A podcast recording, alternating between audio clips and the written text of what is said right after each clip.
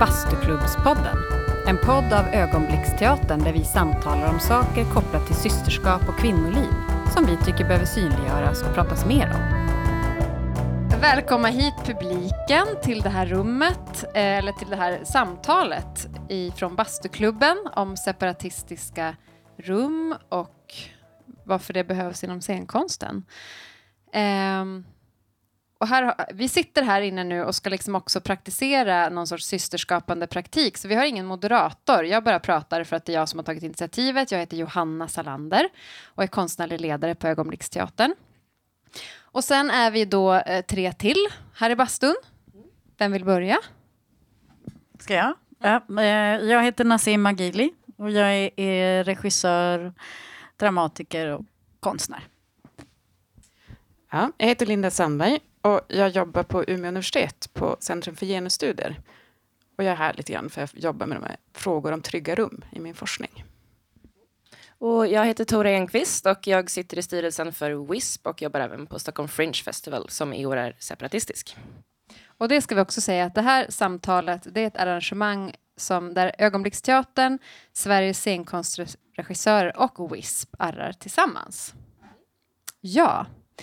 Ehm, Just nu så är det typ 50 grader här inne. Ja, så vi får se.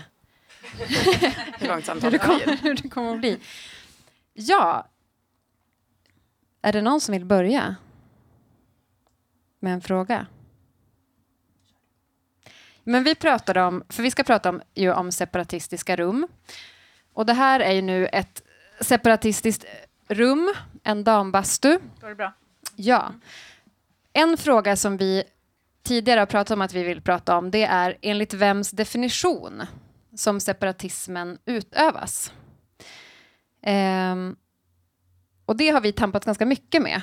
För att det är ju, vi är ju ute efter berättelser eh, från kvinnor eh, om livet, eh, universum och allting egentligen. Men eh, också eh, de beteenden och förmågor som handlar om vad systerskapande praktik är. Och vad kan vi då skapa för rum där vi kan få syn på vad det är för någonting? Personer som har de erfarenheterna och som praktiserar det. Um, så det handlar om att skapa ett rum utifrån det och då har vi sagt att det är personer som definierar sig som kvinnor helt enkelt som jag uppfattar mig själv som kvinna så har jag sådana erfarenheter som vi är intresserade av och det har liksom varit. Um, vad har ni för andra separatistiska rum eller definitioner eller hur tycker ni att det är viktigt? Mm. Uh, jag kommer från ett litet annat håll eftersom jag i, dels har arbetat mycket med uh, transfrågor inom scenkonsten men också själv är icke-binär. Eh, inte personligen något problem med definitionen kvinnligt rum, men eh, vill ändå slå ett slag för de som kanske har det. Eh, så det jag brukar, brukar försöka ta tag i hela tiden är eh, formuleringen av varför och eh, vad är syftet med separatismen. Att i det här fallet kanske det är att vi ska känna oss trygga med varandra. Vad är det som skapar den tryggheten då? Är det att jag ser ut som en kvinna? Är det att ni vet per automatik att jag har vuxit upp under ungefär samma villkor som ni, varit med om liknande erfarenheter? Eller av vilken anledning, hur skapas tryggheten och vad är syftet? För i många fall så kan ju eh, till exempel transpersoner inkluderas eller exkluderas baserat på fel. Att man tänker sig att nu ska vi prata om mens och då vill vi bara ha med personer som har mens och, det, ehm, och så formulerar man sig fel Men, då. Men att det finns, ehm, det finns en stor vikt i det språkliga i det, är det jag är ute efter. Ja, håller helt med. Ja, verkligen. Men vad, Tora, får jag ställa en följdfråga då? Då tänker jag så här, hur... Eh, vad tror du hade hänt med den här bastun? Det är svårt att säga, för jag har suttit i den kanske i fem minuter bara. Men, men jag bara tänker Johanna, eftersom ni har valt att kalla det eh, ett separatistiskt rum för de som eh, identifierar sig som kvinnor. Eh, vad som hade hänt om det var folk som identifierar sig som kvinnor och icke-binära? Ja, eh, problemet med icke-binära är ju att de kommer i alla former och uttryck. Eh, så släpper man in icke-binära i ett rum, då kan det givetvis dyka upp personer som har eh, manliga könsorgan eller som eh, har vuxit upp primärt som män, som passerar som män i sin vardag men ändå identifierar sig som icke-binära. Eh, det där språket blir så viktigt för att då är det viktigt att inte nedvärdera deras icke-binaritet. De är inte mindre icke-binära än jag är fastän jag passerar som kvinna. Eller någon annan som eh, har ett helt androgynt uttryck som passerar som icke-binär så att säga. Ehm, och då är frågan, då måste man ju fråga sig, hade alla då cis-kvinnor i bastun varit helt bekväma med med eh, närvaron av den personen. Hur hade det sett ut? Får man vara obekväm av närvaron av en icke-binär person? Ja, det är klart man får.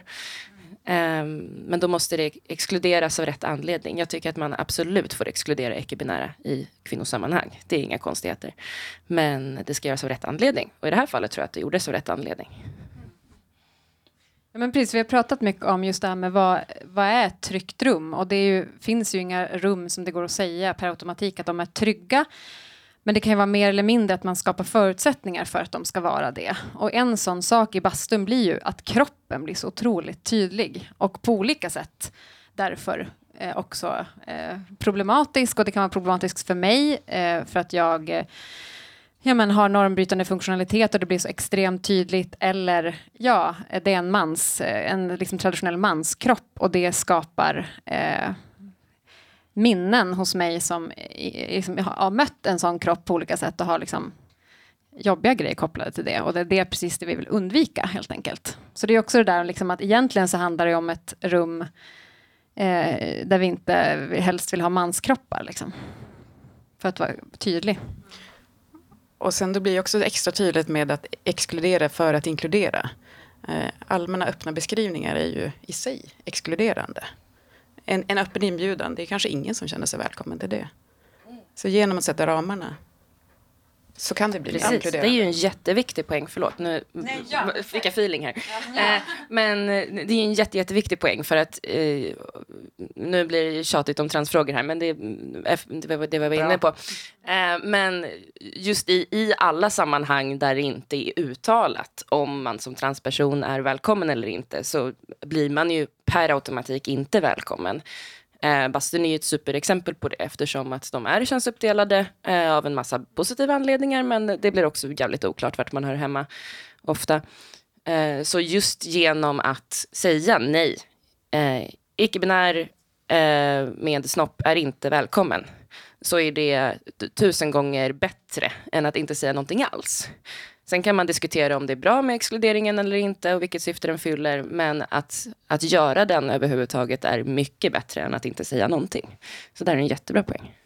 Ja, för jag tänker att det är... Alltså att det finns en viktig poäng i att kunna ingå i olika separatistiska rum. Och att normen känner sig så lätt exkluderad um, så fort det handlar om separatism. Um, så, att, så att det blir liksom den här exkluderingen blir så stor då. Men jag har själv inga problem med att bli exkluderad eh, ur vissa separatistiska rum. Alltså att, och jag tänker att det finns en superpoäng med just de separatistiska rummen som ju inte alltid behöver handla om kön. Det kan ju handla om ras eller hudfärg. Sådana separatistiska rum fyller ju en helt annan funktion för mig. Um, så, att, så att jag tänker att det är också också viktigt att komma ihåg att den inte behöver på något sätt inkludera alla i sina separatistiska rum, utan det är fullt möjligt att ha flera parallella separatistiska rum som pågår samtidigt. Men vilka separatistiska rum är viktiga för er? Eller har varit liksom, i ert liv? Alltså, jag, jag tror att jag har befunnit mig i, i eh, väldigt mycket separatistiska sammanhang så länge så att jag nästan har glömt bort hur det är i andra rum. Och så har jag liksom kanske de senaste två åren eller någonting befinner mig helt plötsligt i olika sammanhang där jag jobbar med vita cismen. Eh, till exempel. Och, eh, och då... och så blir jag helt plötsligt... Och det är ju superprivilegierat såklart att, att ha, kunna ta de här separatistiska rummen. Um, um, men det, men det, blir, det blir så tydligt då för mig vad de här separatistiska rummen har gett mig. Att jag eh, kan identifiera olika saker, att jag inte behöver stå ut med vissa saker. Alltså att jag har en erfarenhet som på något sätt i den stora berättelsen, alltså i det stora narrativet, inte finns. Eh, men som vi skapar hela tiden, själva. Ehm, och som kan nästan vara, vara det, det jag har märkt då är att det är ganska svårt att definiera vad det där är som jag har med mig från mina separatistiska rum. För det, det finns inget språk riktigt för att beskriva den där äh, tryggheten, systerskapet, eh, liksom de intelligenta mötena. Alltså väldigt, väldigt mycket fina, viktiga saker som eh, kan vara väldigt svåra att beskriva sen. Alltså en förstår när en är i dem. Men är det typ att det inte att det är något filter som en ofta har med sig för att hantera och liksom värja sig från olika grejer som pågår runt omkring som du inte behöver ha där? Kan det vara... Ja, men jag tror att just i, alltså om man skulle prata scenkonst, så tror jag att, jag har ju till exempel, är ju aktiv i en konstgrupp som heter FUL. Eh, men jag har också tidigare varit aktiv i WISP. Eh, och det är så jätteviktiga skolor har varit superviktiga skolor för mig. För att jag tror att um, ja, men till exempel så har jag ju kunnat växa som konstnär jättemycket av att vi tillsammans har formulerat andra typer av liksom, feedbackmetoder eller liksom, skapande som inte bygger på konkurrens utan som bygger på samarbete som liksom bygger på att en förståelse för att när en känner sig trygg så kan en komma närmare sitt bästa jag. Eller vad jag ska säga. Jag vet inte om en alltid behöver eftersträva att vara sitt bästa jag. Men um, att, att det är då, en, när den inte behöver jobba i motstånd. Mm. Uh, för, att, för när den jobbar med motstånd så kan den ju också ibland känna sig lite galen. Alltså jaha, är det bara jag som ser de här olika typer av kvalitetsbegreppen eh, som just det. Alltså inom konsten till exempel. Så, att, så att det är otroligt viktigt att ha den där bekräftelsen av, eh, av att nej, jag har, jag har också sett dem. Och jag vill också någonting annat. Jag vet inte om jag svarade på din fråga. Jo, verkligen. verkligen. Ja. Eh, jag befinner mig i ganska få separatistiska rum som är alltså, tydligt gränsdragna, utan det är mer att det har blivit så i arbetet, i seminariegrupper, i sammanhang. Eh, sen naturligtvis, sociala medier är ju en tydligare gränsdragning och tydligare regler med tillträdesregler på ett sätt.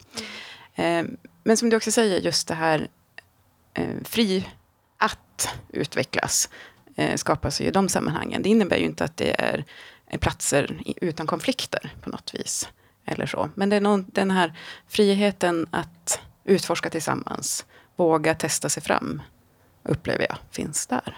Mm. Och att gå igenom konflikter också kanske. Mm. Precis. Mm.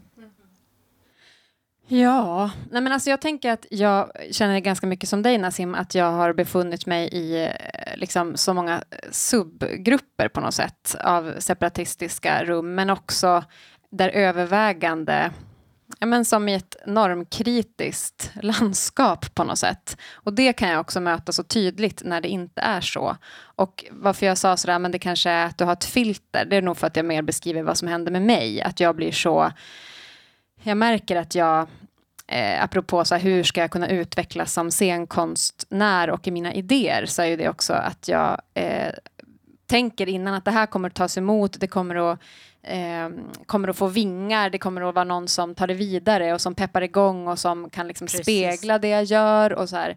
Eh, Medan jag i andra sammanhang som inte då, där jag känner, inte är ett tryggt rum, så känner jag direkt att jag liksom eh, jag blir inte mitt bästa jag alls och jag hämmas väldigt mycket i hur jag beskriver saker och uh, det är väldigt mycket så här, den där lilla kritikern som sitter på axeln på ett helt annat vis också.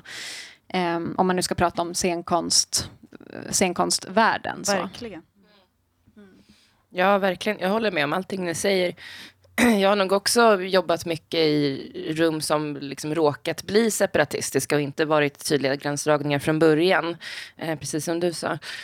Um, men uh, och jag känner likadant att det blir så konstigt sen när man kommer ut i, i den så att säga riktiga världen där alla sorters människor finns. Eh, personligen så upplever jag framför allt att det är så mycket annat som pockar på fokus hela tiden. Att man blir ockuperad av att eh, försöka läsa och bryta igenom olika maktstrukturer och hierarkier på en arbetsplats eller i ett projekt. Eh, så det blir liksom väldigt mycket mindre energi över till allting annat hela tiden. Eh, så det är framförallt därför jag också har valt att utesluta cismän i många sammanhang. För att jag, jag orkar inte. Det tar för mycket energi. Ja, men och det är ju det. Om man ska utveckla metoder, som du säger också Nassim, så eh, kan man inte hela tiden förhålla sig till då behöver man ju ha liksom ett rum där man kan börja från noll eller liksom skapa någonting utifrån andra eh, för, rumsliga förutsättningar eller hur vi bara är ja, men apropå systerskapande praktik, vad det faktiskt innebär. Eh, som ju det här projektet är ett sätt att undersöka också. Jag tycker det är så bra som du beskriver också, att det är som ett filter. Eh, och det är just det, att man får, får medvetet sätta på sig det filtret ibland. För att också kunna utvecklas och testa nya saker. Ja, och då skulle jag vilja lägga till också att jag befinner mig också i, i faktiskt samma... Alltså jag, jag, i nästan, jag jobbar ju i en konstnärsduo med en cisman. Men eh, som eh, är ju... Det är en helt annan sak, för att vårt konstnärskap bygger på systerskap. Alltså att göra systerskap, att eh, visa, att hitta olika sceniska eller konstnärliga uttryck för det i både liksom, uttryck och metod och sådär. Så att jag tänker att det som också händer när den får vara i separatistiska rum och det där blir normaliserat, alltså där motståndet inte finns, det är ju faktiskt att sen kan man ju utvidga de här rummen. Men en är på något sätt överens om att det är, att det är sprunget ur ett separatistiskt medvetande och det är okej. Okay. Mm. Alltså för jag tänker att hade det varit så, eh, ja men till exempel så har jag inga problem att jobba i antirasistiska projekt med vita personer. Men, men en måste ju på något sätt ändå vara medveten om att här, det här är ett rent antirasistiskt projekt. Det är inte du som den vita kroppen som är subjektet i det här, utan det är vad vi gör. Och vissa har tolkningsföreträde och det är någonting som en förhandlar och omförhandlar hela tiden och det är transparent.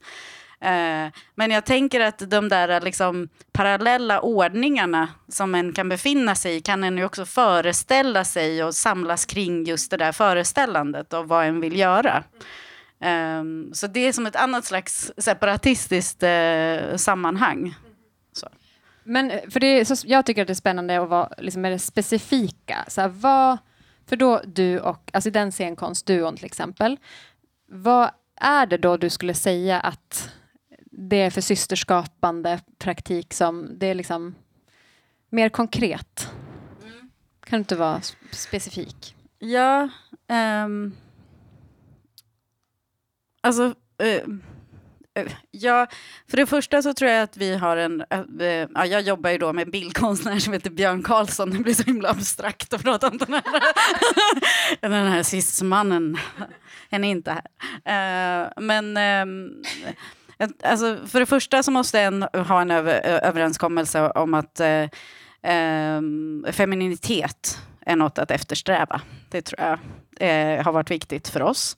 Um, och sen så handlar systerskapet väldigt mycket om att skapa en annan logik än den som går ut på konkurrens, den som går ut på elitism, den som går ut på liksom den kapitalistiska logiken där människor är varor. Um, och sen så handlar det också väldigt mycket om respekt för andra medmänniskor. Alltså att jag, eh, att jag kan alltid lita på att, att det, liksom, jag har inga problem att in, tillsammans eh, att vi två skulle ingå i ett eh, kvinnoseparatistiskt rum till exempel så blir inte jag orolig för det. Nej. Så jag tror att det också handlar om någon slags faktiskt, liksom, att inte gå upp i sin egen identitet för mycket mm. också. Alltså den här liksom manliga heterosexuella vita ängslan som faktiskt ofta kan stå i vägen för riktiga möten. Eh, för att en är så himla, ja men eh, ja, ängslig helt Ja. enkelt. Så att den hela tiden bara går, i, går in i rollen som den liksom, eh, vita cismannen så, och tar den positionen. Så jag tänker att om man är överens om att den positionen är, är fan inget att ha så kan den liksom jobba utifrån det. Så, så är ja, Ja, konkret fint. på något sätt. Ja. Men för om man tänker så här utifrån Ja, men så här, hur har separatismen eh, gjort att vi har kommit vidare i till exempel att skapa scenkonst? Liksom. Eh, vad har, vad har det, varför är det viktigt i scenkonsten? Hur kommer vi vidare liksom, med det vi vill göra? Och vad, vad har det betytt för olika verk vi har gjort? Mm. tittade du väldigt bestämt på mig. Eh, nej men jag tänker mycket på, det kanske inte riktigt är svar på din fråga, men jag tänker mycket på just det där att formulera exakt vad det är för någonting och att utveckla praktiker inom separatismen som man sen kan ta med sig ut.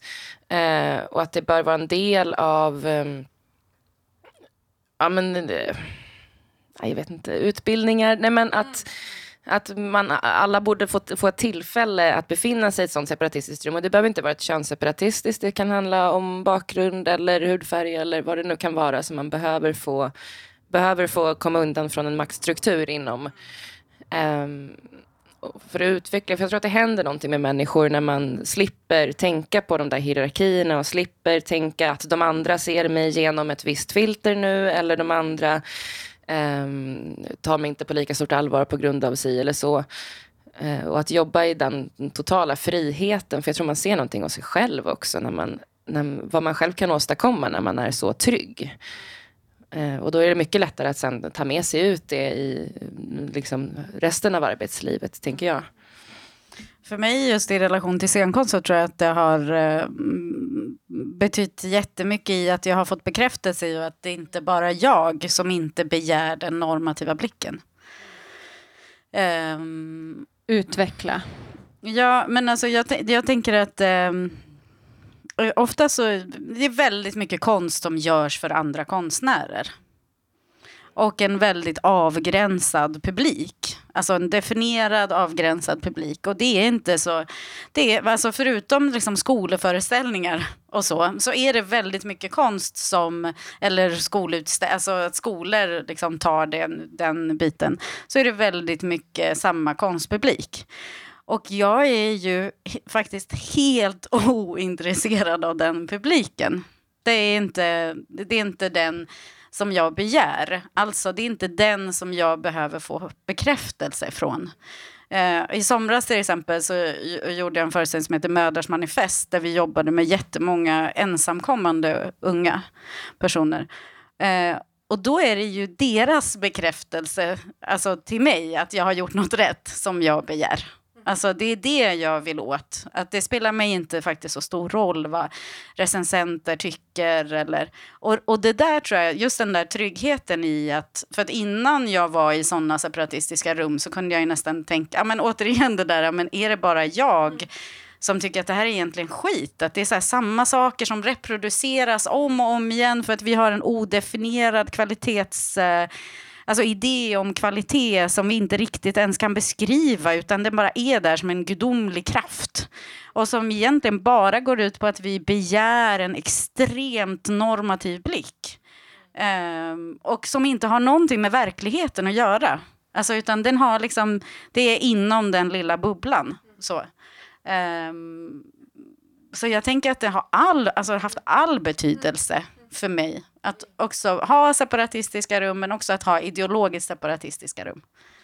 Mm. men för jag tänker också det spä- vi har ju egentligen innan det här projektet så har vi ju jobbat med liksom eh, separatistiska rum baserat på kön, men där det är liksom män, hetero cis-män som i princip, eh, som har haft liksom eh, killmiddag eh, och eh, arrangerat killdans. Ehm, och jag tänker att så här, det som är så skönt med det är ju också att jag, så annars så skulle, skulle jag befinna mig i det rummet så skulle ju det rummet förmodligen förändras totalt och det skulle också bli så förmodligen att jag skulle ta ett ansvar i de här rummen för liksom samtalet eller stämningen eller olika grejer. Så jag tänker att det finns ju olika syften att så här, eh, få syn på någonting, vad som händer när jag liksom inte har det där filtret som hela tiden pågår liksom runt mig.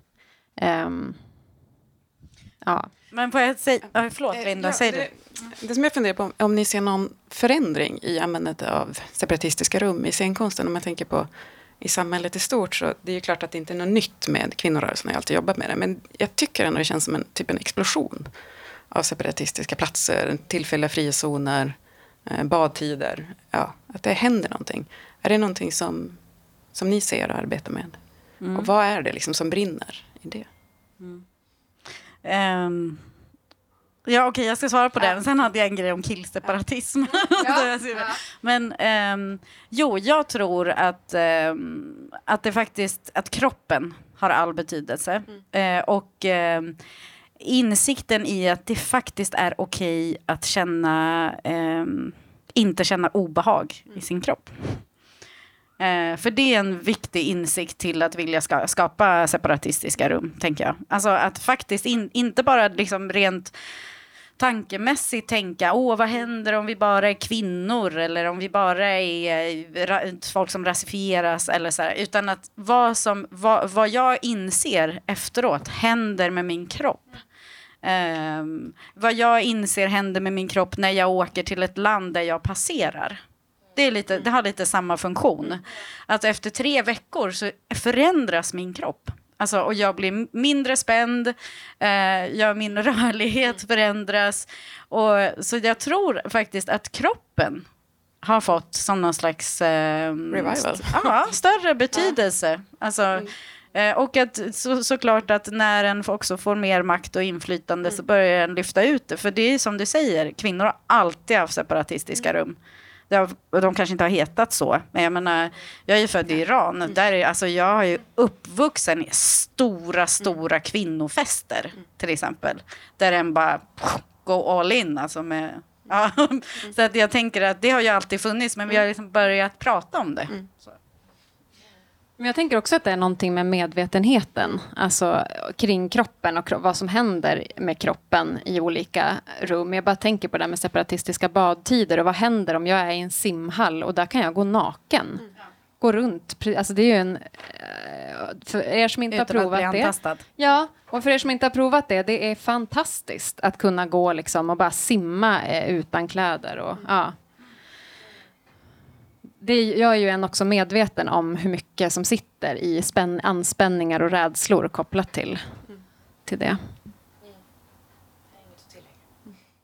Får jag säga något om killseparatism då? Ja, jag, om, om inte det var någon som ville lägga till något med det här. nu är klockan Är halv också, halv? så det är toppen om eh, också någon har någon fråga.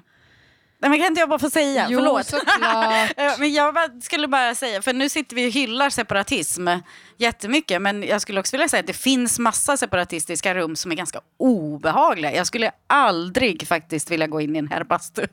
Nej, Nej men och det, Ja. det är ju apropå... Och det tror jag liksom- många män också Mm. inte skulle vilja göra. Nej, Alltså, nej. ja. Nej men precis. Ehm, Ja, nu fick jag det sagt. Ja men verkligen. Och det är det jag tänker också när hela bastuklubben handlar ju också om just så här, men vad är det för särskilt som uppstår här och som inte uppstår där i herrbastun. Eh, det är någonting som vi behöver ta vara på och liksom formulera och kunna använda apropå metoder och liksom kunna, så här, vad är det där? Det är viktigt. Ja, men också viktigt att det är inte bara, alltså att också män Som alltså, kan som definierar sig det, som ja. män inte skulle vilja vara i, i, i mansseparatistiska miljöer. Och att det här inte, alltså menar, vi, det vet jag ju, men just att så här, systerskap är en praktik. Det är handlingar som alla kan göra. Det är inte något som är kopplat till kön på det sättet. Men Linda, du hade formulerat någon fråga om det här med motstånd. Ja, alltså, det är ju någonting som också händer med så fort det dras gränser och några blir exkluderade så blir det så otroligt provocerande. Och det är ju män som blir provocerade. Eh, ta natten tillbaka demonstrationer, eh, badtider särskilt för kvinnor. Det finns ju också i, ofta i beskrivningar eh, vi vänder oss till kvinnor, men män är välkomna. Som någon sorts här, friköpning för att vi inte riktigt vågar sätta gränsen. Och varför är det så provocerande? Och vilket mo- Eller det är klart vi vet varför det är provocerande. Men vad möter ni för motstånd i det arbete ni gör?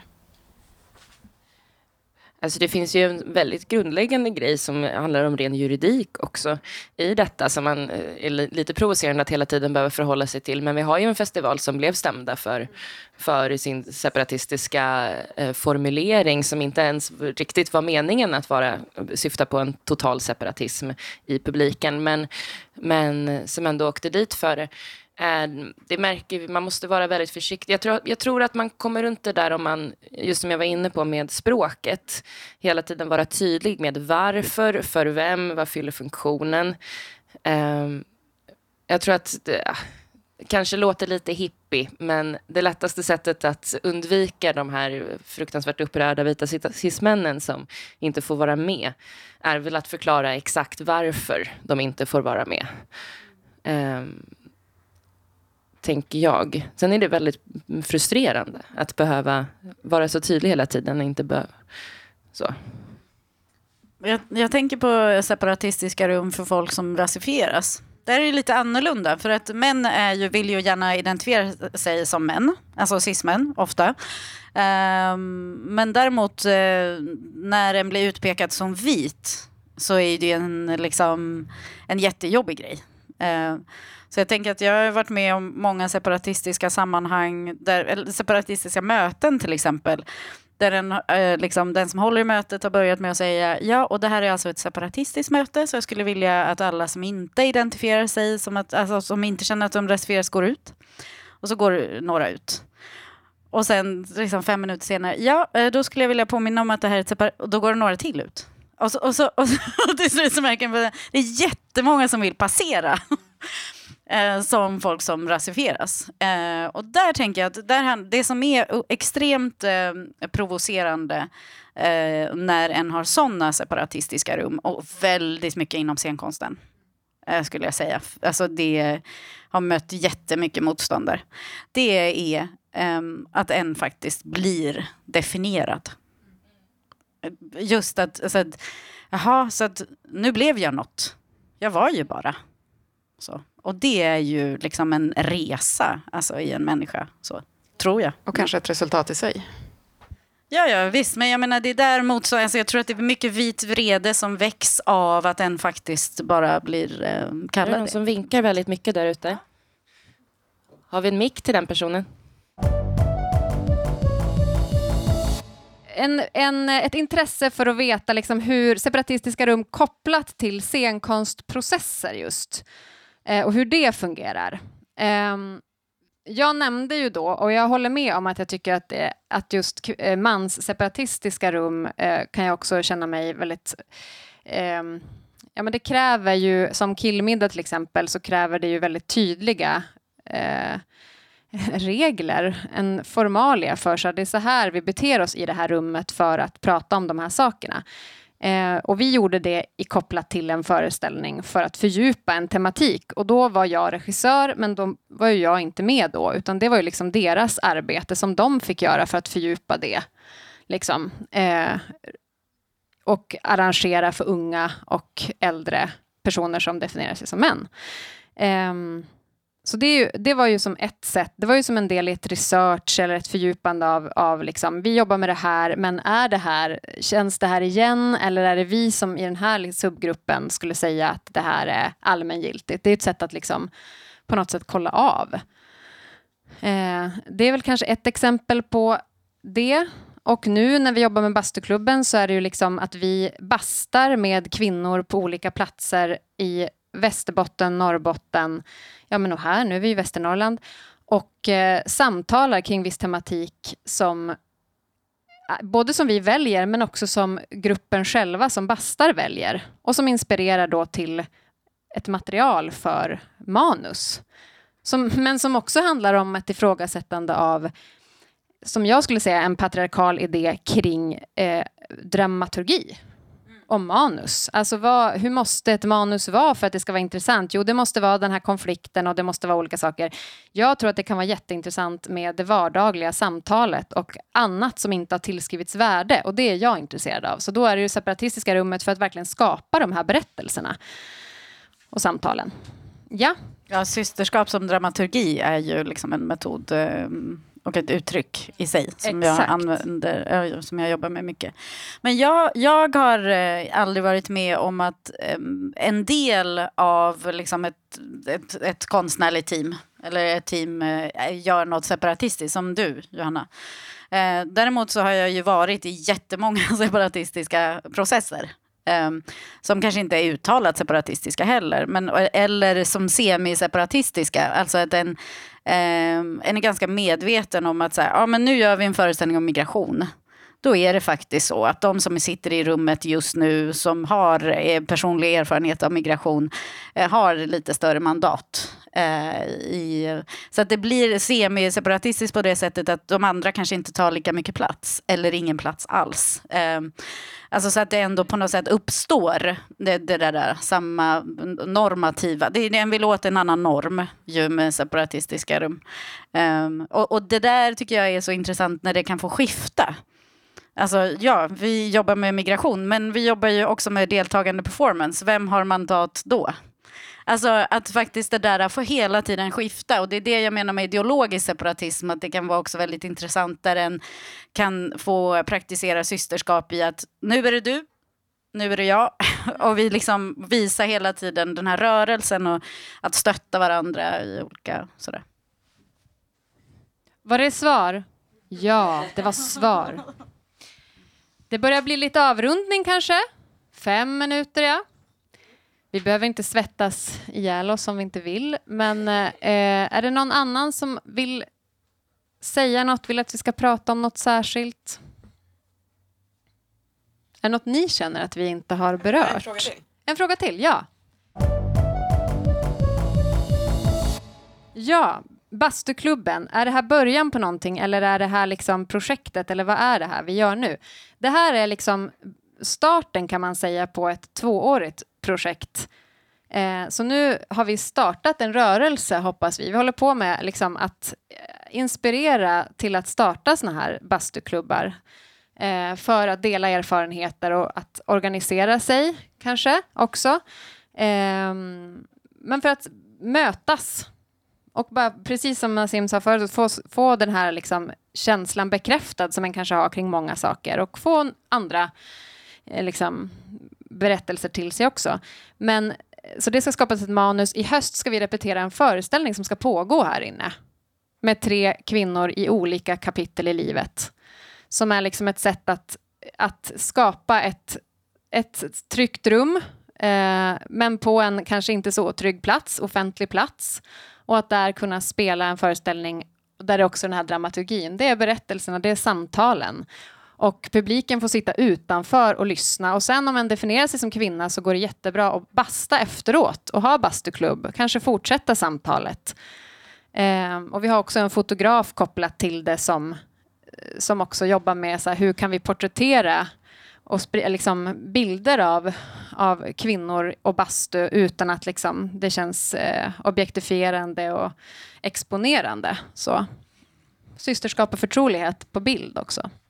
Jag tänker att det här är ett så himla bra exempel på vad som händer när en får göra konst ifrån ett tryggt rum. Eh, för att eh, det är ju, alltså processinriktade föreställningar på det här sättet, att den faktiskt lägger jättemycket tid och energi och resurser på det som händer innan en faktiskt börjar repa och ska göra en föreställning och sen möter publik och sådär. Det tycker jag är nästan uteslutande sker i olika typer av liksom feministiska, queera, antirasistiska sammanhang. Medan den där dramaturgin som du var inne på, Johanna, också innebär en hel infrastruktur runt hur vi gör en föreställning. Eh, där det finns en tydlig institutionell manlig kolonial norm. Så jag ville bara Ja, att, att det här också, liksom, hela projektet också förkroppsligar det där fantastiska som kan komma ur separatistiska rum. Och sen så tar ni det vidare och så kommer det ut något särskilt också. Men eh, ja. Jag har ju fått förmånen att följa det här på, utifrån. Och jag tycker också att det är helt fantastiskt och så otroligt visionärt i relation till eh, mötena som faktiskt kan skapas i både genom själva föreställningen men också tillhandahållet av den fysiska platsen och visionen om utställning efteråt. Och det är ju det här det kan hända.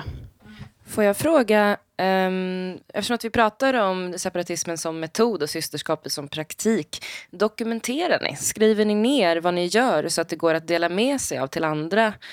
Vi behöver en metodbok i systerskap. Ja, men nej, svinbra fråga Tora.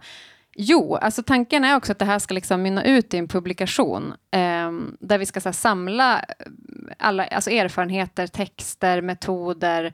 Ja, men det, för vi har också liksom forskare kopplat till det från Umeå universitet eh, som också ger sitt perspektiv på det på olika sätt. Så vi ska liksom försöka samla så mycket vi bara kan från de här samtalen. Eh, vi provspelar in det här samtalet nu, även om vi eh, får se vad vi kan göra med det. Men, men också för att vi tänker att vi ska kunna sända liksom som podd eftersamtal med olika personer där vi bastar och möts. Och vad, ja, jag ska ju också samtala med Tina Rosenberg imorgon. Eh, och det ska vi också spela in som ett sånt, liksom, lyfta olika teman här inne. Ja, för det är ju en jätteviktig aspekt som du tar upp Tora. För det också handlar om systerlig, eh, alltså att dela med sig. Att vara generös eh, som systerlig praktik. Och jag tänker att eh, ja, alltså jag brukar också jag, liksom dokumentera hela processen som att också processen faktiskt är olika typer av konstnärliga verk som en publicerar på olika platser och så. Att den också inte gör skillnad på det där att så här, nu är det, det här, nu ska vi in och jobba och sen så ska vi ut och möta en publik. Alltså sådär att den inte drar de där gränsdragningarna om inte det behövs i vissa situationer såklart. Um, nej, nu hade jag något. Det var så bra bara, sagt. Bara och nu vinkar Hanna, så nu börjar det bli dags att avsluta. Men säg Tora någon sista du då. Jag ville bara säga att jag, jag önskar mig att allt det här, ni, ni, som arbetar med det i praktiken med väldigt uppstyrda sätt, så att det blir dokumenterat och sånt.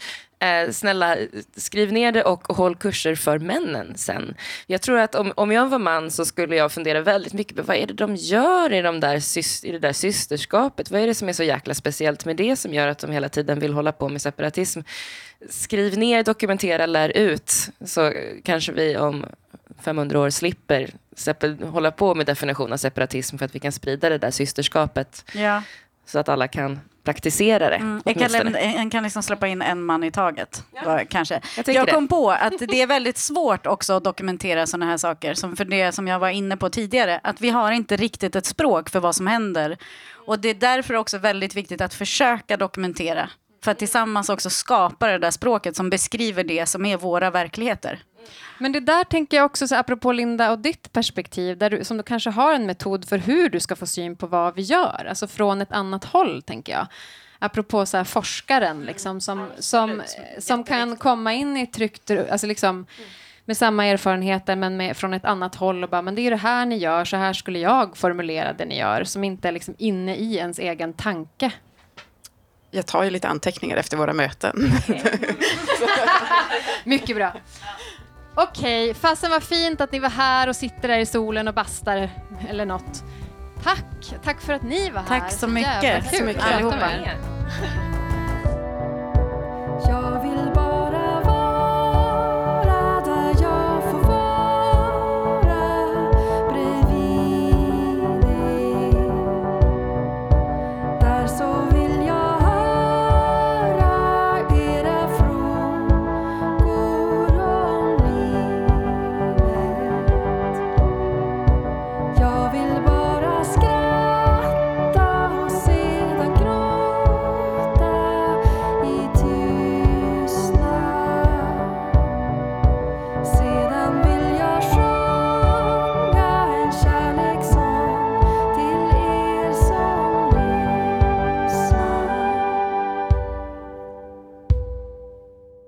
Lyssnat på Bastuklubbspodden. Om du själv blir sugen på att starta en bastuklubb och att praktisera systerskap kan du exempelvis beställa vår kortlek. Gå då in på www.ogonblicksteatern.se och läs om bastuklubben och hur du kommer i kontakt med oss.